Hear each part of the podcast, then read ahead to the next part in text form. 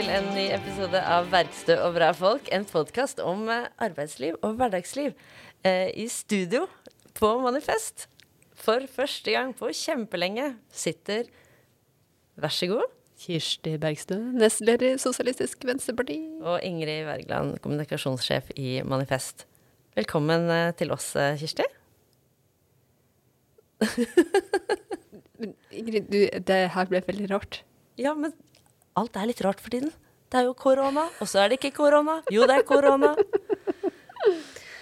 Det er lov. Og det som er veldig gøy her på vårt studio, er at vi kan gjøre de rareste ting. altså, vi har til og med publikum.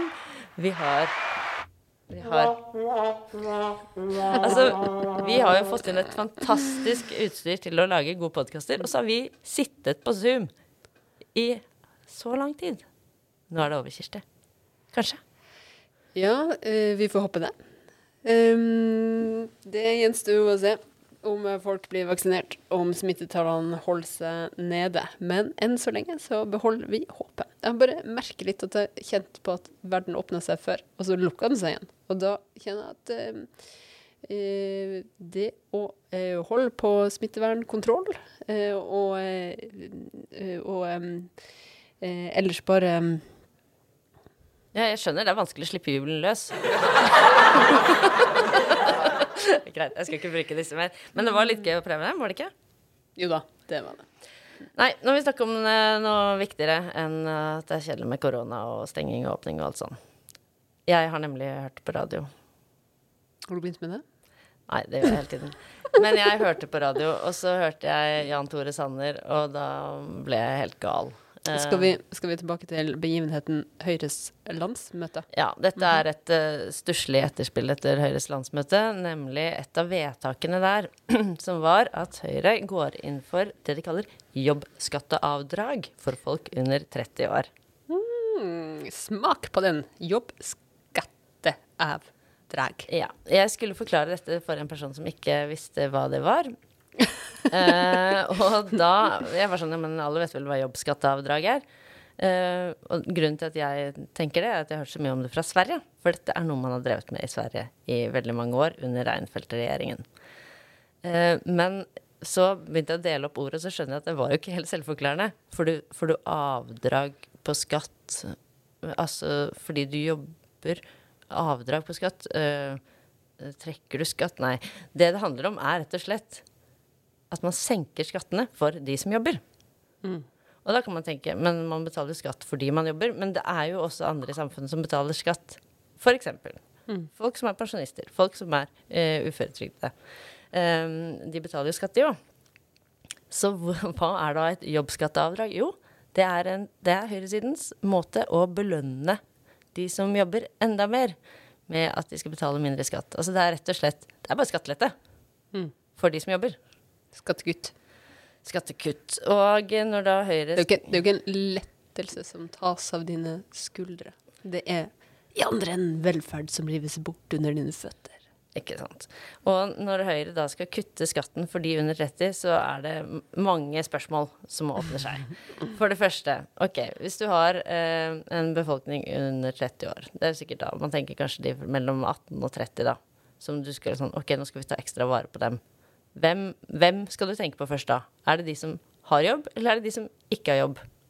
Er det studentene? Altså, altså dette her, dette her det, som, det åpner seg så mange spørsmål. Nei, men nå glemmer du jo, eh, Ingrid, hvordan Høyre sin logikk i forhold til frihet er. Fordi du går jo rundt som et totalt fritt individ. Eh, I hvert- fall så lenge som markedskreftene får rulle og gå, eh, og definere viktige områder i samfunnet vårt. Så da må man jo bare sørge for at det politiske eh, sitt virke eh, og sin oppgave, nei, det er jo bare sørge for insentiver, sånn at du tar de rette valgene. Og siden du står der da og er mellom 18 og 30 år og tenker sånn Nei, hva vil jeg gjøre i dag? Vil jeg gå på Nav? Vil jeg være uten arbeid? Eller vil jeg ha jobb? Så liksom høyrelogikken er jo at Nei, da må man sørge for at folk tar det rette valget. Gjennom å ha jobb med mindre skatt. Ja, fordi det, det, et annet eh, spørsmål som dukker opp, er at da vil det jo egentlig ikke lønne seg å studere i 20-årene. Fordi da vil det lønne seg mer å jobbe. Fordi hvis du studerer i 30-årene, da vil du ha Da har du høyere skatt, da. Så da Nei. Men altså, en annen ting. Som, altså dette som viser hvor utrolig langt unna virkelighetens verden eh, denne ideologien er, da. Ok, det, la oss si da Nå vet jeg ikke nøyaktig hvilket nivå de ser for seg at dette skattekuttet skal ligge på. Men nå tenker jeg litt på et tall, men si da altså du får Ok, du skal ha 1000 kroner mindre skatt da hvis du er under 30 år med dette nye forslaget. Ja, det er sikkert i året de legger opp til. Trolig, da. Men, ja. men, for å gi dem liksom, Hvis de har tenkt å bruke veldig mye penger på dette, så kanskje det, da.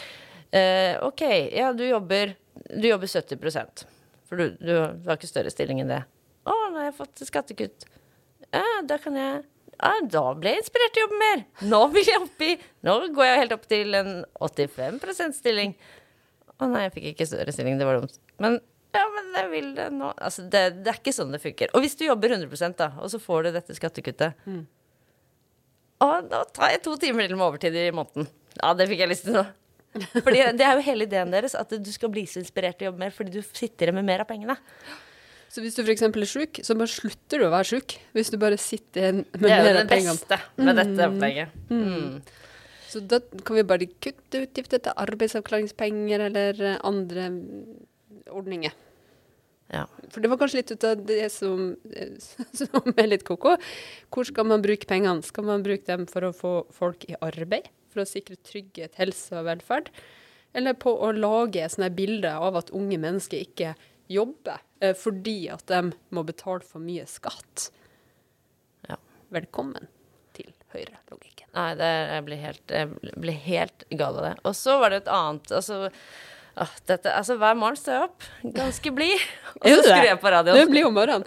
Så skrur jeg, på, jeg på P2 og hører på Politisk kvarter, ja. og så, så, går jeg i kjelleren. Altså Her om dagen så gikk jeg jo ikke i kjelleren, for da var det det flotte forslaget fra SV, nemlig at man skal innføre en exit-skatt. Mm. Uh, for eh, folk som prøver å flytte formuene sine ut av landet. En formue som jo da eh, kommer fra skapt i det norske samfunnet skal liksom bare tas helt ut av samfunnet, akkurat som ikke det norske samfunnet har stått for noe av den, den verdiskapningen som da har skjedd. Eh, ranes fra Norge. Eh, da foreslår SV at man skal skattlegge det hardt, så ikke det skal eh, være noe rikfolk driver med. Ta med seg penger til skatteparadis og sånn. Og da, da fikk jeg Da var Audun Lysbakken i debatt med en fra Høyre, og det var det var en veldig, veldig god debatt fra Lydbakkens side, så det, det, var greit nok. Men hun fra Høyre, eh, altså der var det så mye rart. For det første var det helt sånn derre Skatt er tyveri, du kan ikke bare ta pengene fra de som har formue. Og det andre resonnementet var at hun syntes det var så hårreisende nå, i en pandemi hvor 200 000 er ja, arbeidsledige, permitterte, hva hun nå snakket om. Altså, som var helt tilbake til sånn 80-tallsk Reagan, Thatcher trickle down economy-tankegang. At det er sånn, ja, men hvis bare noen er kjemperike, så bare kommer det til å dryppe, dryppe, dryppe litt ned på klokkeren. Mm. Det er sant, for det er jo en sånn total repeat eh, som vi hører fra Høyre, eh, ekko fra mange tiår eh, tilbake. Eh, og det som er rart, er jo at sjøl om eh, regjeringa sitt eget finansdepartement har sagt at det er ikke sånn at, at eh, skattekutt får folk i jobb, eller skape arbeidsplasser, eller føre til investeringer som igjen skaper arbeidsplasser. Eh, og, selv om man ikke har ett eksempel på at det har skjedd, så sier de det likevel. Uh, igjen og igjen uh, at uh, skattekutt, det må til for å skape arbeidsplasser. Og det blir jo en, en sånn strategi der man bare skal gjenta en løgn så mange ganger at folk tror på den til slutt. Men, men, det som er helt vilt, er jo å drive og definere skatt. Altså, skatt, hva er det? Jo, det er jo en investering i, i livet ditt, i samfunnet vårt, i fremtida og i fellesskapet. Det er jo for at ungene dine skal ha en god skole, at foreldre skal ha en trygg alderdom. Det er jo for at det uforutsigbare som som livet eh, fører med seg av sykdom eh, og gleder, eh, foreldrepenger osv. At vi skal kunne stå i de der situasjonene. Og det å i det hele tatt legge opp til en, en, en tankegang om at det å eh, spleise, det å organisere ting i fellesskap til det beste for et fellesskap, er tyveri. Det er så eh, eh, Det er så hinsides, det. Og det sier så mye om hvem det er som skal ta eh, ansvar? Jo, det er hver enkelt av oss for oss sjøl. Og det er jo klart eh, at hvis det er logikken, at vi skal stå opp kun for oss sjøl, da skjønner jeg jo også at det er logisk å først og fremst tenke at unge folk ikke jobber fordi de får, eh, må betale for, for, for mye eh, skatt. Ikke sant? Eh, fordi, eh, fordi det er liksom sånn eh, et menneske skal være skrudd sammen. Homo economicus. Mm. Typisk deg å dra noen sånne latinske vendinger. Ja, eh, det er det. Men uh, dette, dette, leder oss jo over i dagens gjest. Ja. du nevnte Sverige i sted. vi har jo sett ganske alvorlige situasjoner i, i Sverige knytta til ikke bare pandemi, krise i helsevesen, men også avsløringer eh, knytta til hvordan de private eller kommersielle omsorgssentrene eller eldresentre, er det riktig å si det? Eh, ikke har eh, tatt eh, smittevern og eh, verken pasienter eller de ansatte på, på, på, alvor. Så vi har invitert han Ivar Rommestad fra Fagforbundet i Viken. Han er nestleder der. For å dele noen tanker og refleksjoner rundt profitt i velferden, utfordringer i arbeidslivet, og også hva som bør Eh, være det viktigste ved høstens valg. Og kan jeg bare si en tittel han aldri fikk fordi han ikke ble i den jobben hele sitt liv? Altså den jobben som han skal avsløre helt til slutt, at det var hans første? Ja, eh, så dette, dette gir jo et lite hint om dette her, da. Men likevel. Han, han ble ikke den jobben, men hvis han hadde blitt det, opp, helt opp til pensjonsalder, så kunne han, dette var en tittel han leste i, i tariffavtalen, ha blitt overpostpakkmester i særklasse. Hadde ikke du sånn jubelknapp? Nei, det var feil. Vent, da. Jeg har en annen. Jeg har en annen. Nei!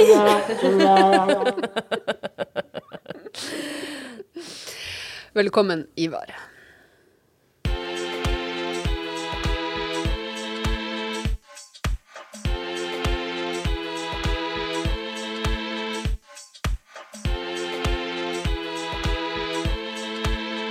Sverige så har det jo vært en helt sånn ekstrem skandale som rulles opp nå, eh, med eh, varslere eh, på private, kommersielle sykehjem.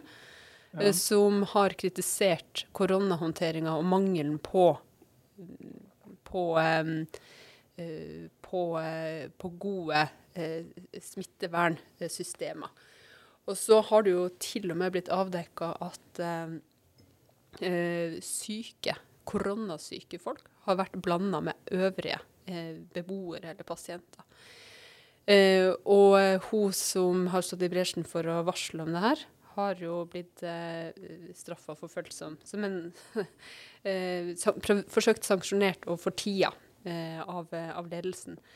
Og jeg tenker jo at sånne skandaler henger jo alltid sammen med hvilke arbeidsforhold man har, og hvordan tjenestene er organisert.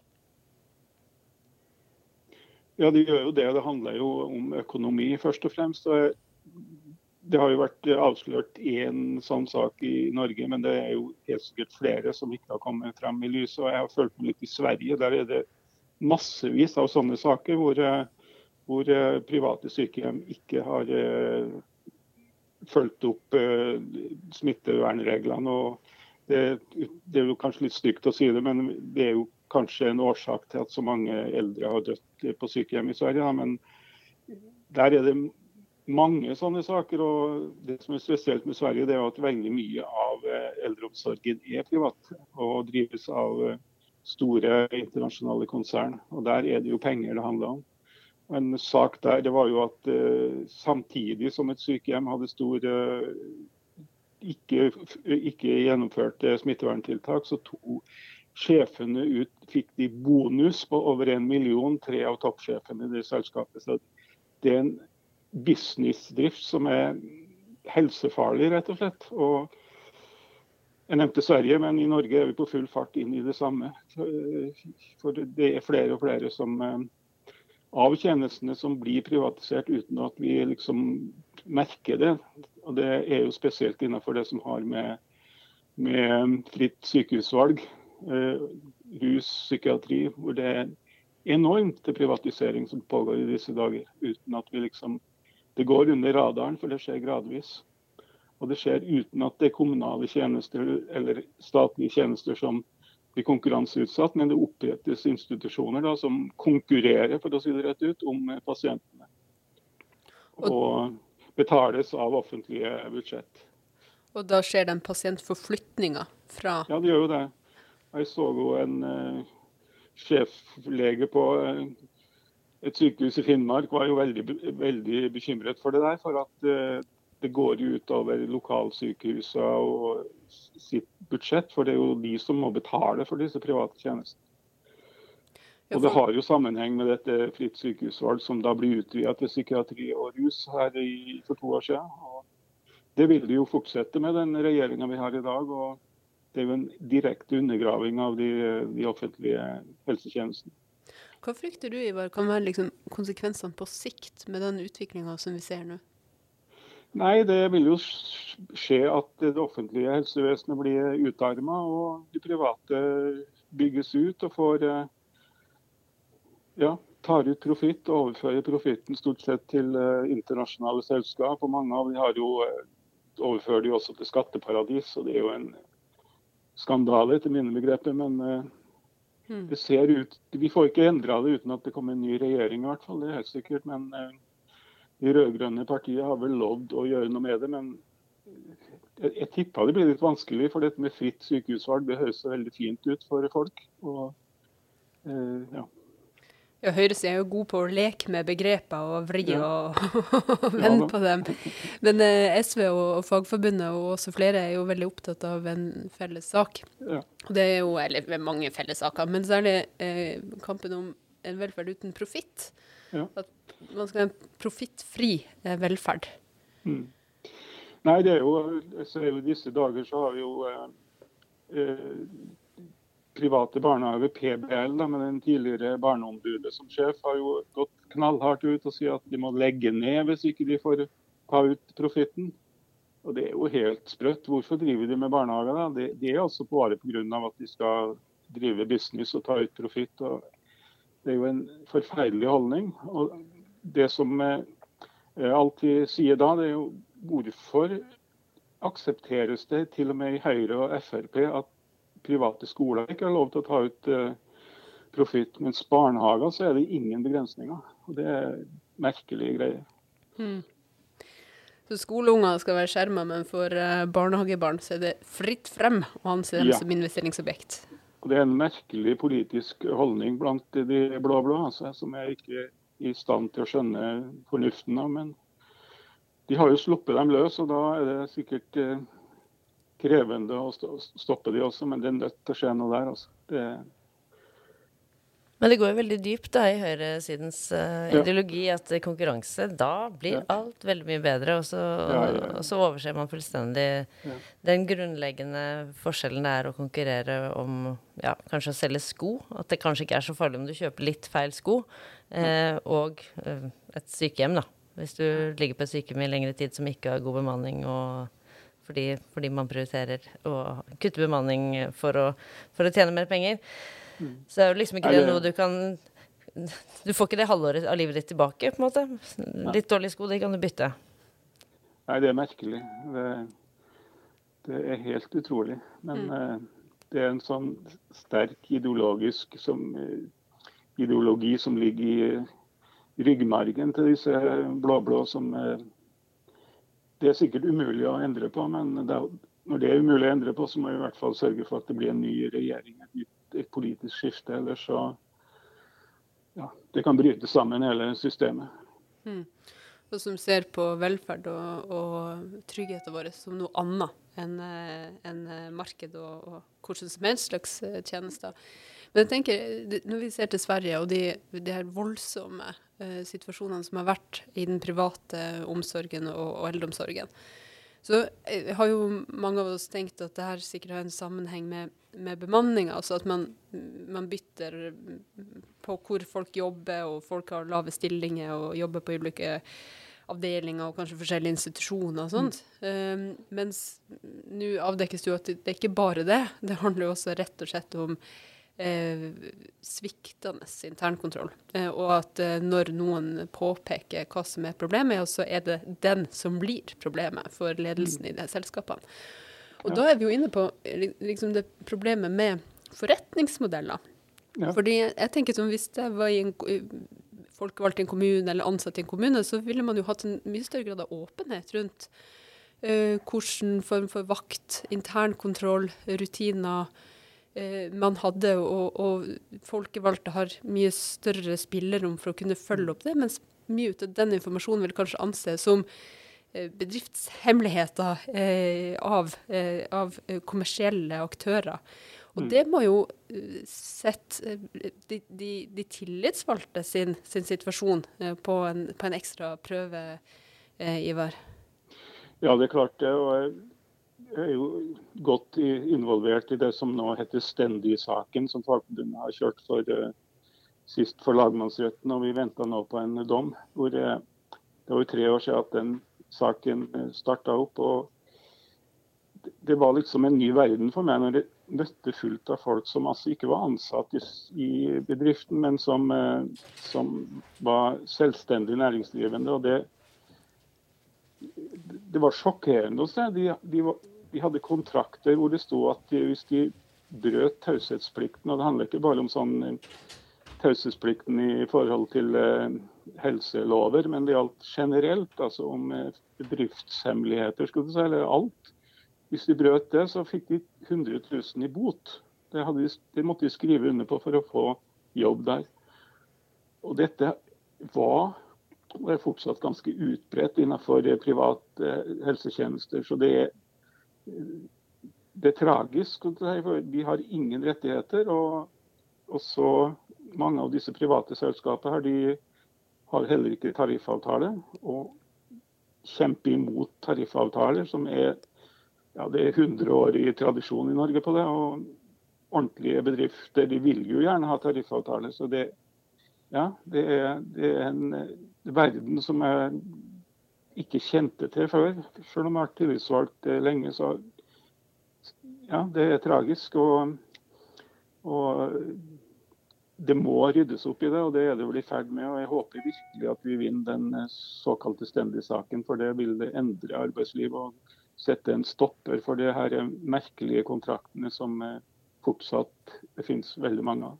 Ja, for Det som, det som kjennetegner den Stendi-saken, er jo at det er det har vært veldig mye folk som har jobbet for da, dette kommersielle velferdsselskapet. Men de er mm. eh, ikke vært ansatt, de har vært eh, kontraktører, eller altså selvstendig ja. næringsdrivende, som da ja. har hatt alle utgifter selv da, på, mm. på eventuelt sykefravær eller, og ferie og alle, alle saker som det. Men, men, i praksis så har det jo vært på en måte eh, Eller, eller etter alle praktiske formål så har de vært som ansatte. Ja. Men, eh, men, eh, og det her er jo en sak som dukker opp i, i stadig flere bransjer. Vi har jo hatt uh, flere podkastepisoder her om Foodora-streiken, som jo var et, mm. en, viktig, en, viktig, sak for å få tariffavtale ja. der. Hvor man i etterkant har sett at det dukket opp nye, nye matbudselskaper som, som mm. ikke har ansatte, men som har da selvstendig næringsdrivende. Hvordan tenker du at loven må endres sånn at, man ikke, sånn at selskaper ikke kan drive og lage den type liksom liksom-ansettelser? Ja. Nei, det, loven jo egentlig, har jo egentlig forbud mot det. Men eh, det utøves jo med at det blir stadig flere eller veldig mange virksomheter som har denne type tilknytning eh, altså av eh, folk som jobber for dem. Så, men den må jo skjerpes og den må bli klarere, den loven som egentlig har forbud mot slike kontraktsystemer. Men uh, den er selvfølgelig ikke klar nok i dag, i og med at man må gå til rettssak for å få uh, rydda opp. Men uh, den nye regjeringa er nødt til å rydde opp der og få en klarere lov. Og En bransje også som har, som har, veldig mye av dette, her, det er jo renholdsbransjen. Det var vel for noen år siden en, en adresse i Bærum hvor det var 100 enkeltmannsforetak som var registrert på den adressen. og Det var altså utlendinger som hadde enkeltmannsforetak som jobba for et stort renholdsfirma, men som var der som, som enkeltmannsforetak og hadde, hadde, null rettigheter. Så ikke bare innenfor helse og, og er dette utbredt, men også innenfor renhold og selvfølgelig også innenfor bygg og anlegg. Så finnes dette her i mm. massevis. Fordi, hva, hva, er det som skiller de, eh, de arbeidsfolka, da? Eh, ikke sant? Hva er, det som, hva er det man mister når man blir satt i en situasjon der man må være eh, selvstendig næringsdrivende for å få utføre jobben, istedenfor å være fast ansatt?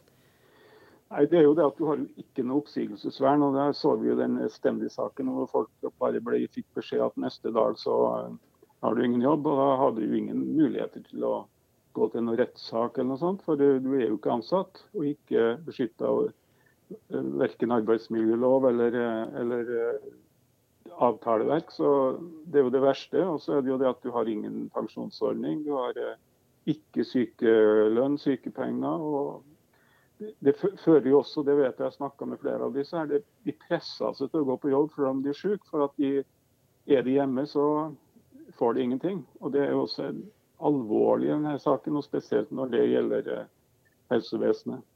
Og Mange av de som har sånne kontrakter, de har også flere arbeidsplasser. og eh, Jeg var jo borti en som hadde ca. 200% jobb. Han fløy jo rundt på flere arbeidsplasser, for han, han var nødt til for å overleve, rett og slett.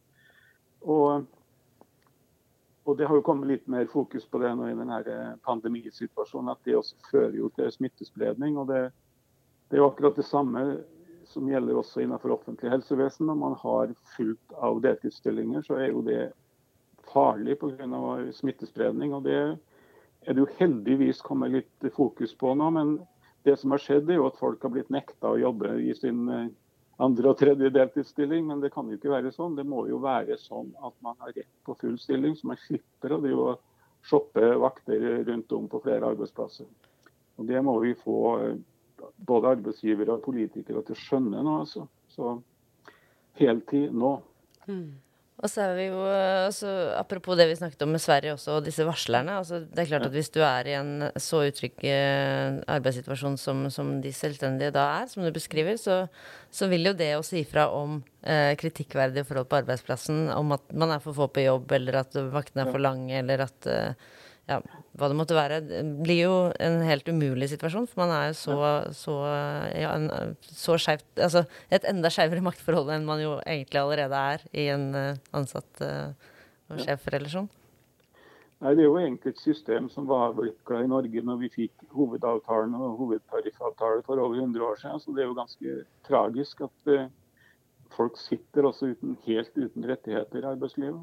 Og det kan jo gå så lenge de er unge og spreke og friske og kan jobbe mye og sånn, men de er jo utslitt når de nærmer seg 50, mange av disse her som har hatt sånne kontrakter lenge. Det, jeg har møtt noen sånne, men de har jo ikke råd til å slutte. De kan jo ikke pensjonere seg, for da får de jo minstepensjon osv. Så, så ja. Så da jobber man til man stuper, og så blir man ja, ufør? Ja, det har inntrykk av det. det. Det er i hvert fall det flere har sagt til meg når jeg prater med disse her som eh, tilbud av stendig i saken. Så, ja. Og der er jo også en del av høyresida sin lek med ord. For det er jo det arbeidslivet som fremstilles som friheten fra, fra høyresida. At, ja. at, du skal ha friheten til å jobbe deg i hjel. Ja. Nei, det er jo det det går på, egentlig. Du skal ha lov til å ha friheten til å jobbe deg i hjel, ja. Og, men vi har jo fått arbeidsmiljøloven for å unngå det, da. Så ja, men den prøver jo stadig å angripe den, med løsere ja. ansettelsesforhold, med lengre dager, ja, med forskyvning av kvelds- og, og nattarbeid. Den typen eh, smågrep som i sum eh, blir stort. Absolutt, det er sånn det har foregått, og det er vi nødt til å reversere. Og det har vel de som har tenkt å gå i regjering fra høsten av, vi har vel sagt at de skal det. Så det håper jo alle arbeidstakere. Jeg tror faktisk dette med arbeidslivspolitikk og sånne ting. Det er en god sak å, å, å jobbe med i, i, fram mot valget også. For jeg tror folk er mye mer opptatt av det nå enn de har vært før. Sånn føler jeg det i hvert fall. Og, mm. det er saker som er vinnersaker, altså. Det tror jeg. Og hva tenker du at uh, hvis du Ivar, fikk, fikk liksom velge hva skulle være de viktigste sakene uh, for, um, uh, for um, forhandlinger etter valget og en ny arbeidshverdag for, for folk i dette landet? Nei, Det er jo for reversert i hvert fall alle svekkelsene i arbeidsmiljøloven, det er helt sikkert. og Det føler jeg er veldig viktig, i hvert fall. Men ikke bare reversere, men også gi forsterke arbeidsmiljøloven. Spesielt dette med faste ansettelser og dette med heltid. Så tror jeg det må inn i arbeidsmiljøloven på en mye, mye sterkere måte enn det er i dag. Og deltidsfella det er jo også en fattigdomsfelle, så det, det, det, er vi nødt til å løse. og Det har vi snakka om i, så lenge jeg har eh, vært oppegående, skulle jeg si, men vi, vi, har ikke løst det. Og det er vi nødt til å gjøre nå. Altså. Mm. Det er jo både en kvinnesak og et klassespørsmål. Eh, med, Absolutt med en kvinnesak. og mm. Det er jo ikke bare i helsevesenet. Innenfor varehandel f.eks. så er det jo der er det også kvinner som rammes av deltidsproblematikken. Menn som jobber i varehandelen, de har stort sett 100 stilling. Det er også ganske merkelig. ja, det skjønner Det er det. Ivar, takk for at du var med oss. Vi har et yes. bitte lite spørsmål til deg til slutt. Ja. Og det, hva var din aller første jobb, Ivar? Første? Jobb. Min første jobb? Mm. Jo, det kan jeg si. Da jobba jeg i Posten, og da var min far så veldig glad, for da hadde jeg fått meg en jobb som jeg kunne ha helt til eh, pensjonsalderen. For det var en veldig sikker jobb. Det var da ca. 3000 postkontor i Norge når jeg begynte der, og det var vel 70 000 ansatte eller noe sånt, kanskje enda flere. Så det var en veldig sikker jobb. Så han gikk jo i graven før eh, Posten eh, ble redusert til eh, tre postkontor, da. Men hadde jeg fortsatt der, så hadde jeg jo vært arbeidsledig nå. Det er omskolert, men jeg to grepet sjøl og omskolerte meg etter, etter sju år i Posten. Så, men det var en artig tid. og en uh, fortelling om endring i arbeidsliv ja. over tid. Hmm. Det, er, det, skjedde enorme endringer der. og det var en, en post, Postfolk er jo i Fagforbundet nå, og det var en tillitsvalgt der som sa til meg at den største digitaliseringa der, det var når, i slutten av um, 70-tallet, når postnumra kom. Og Det var jo egentlig ikke noe digitalisering, men da var det ikke bruk for de som hadde Norges geografi i hodet. Fordi De trengte ikke å lære seg det lenger. Da var det bare å titte på postnummeret.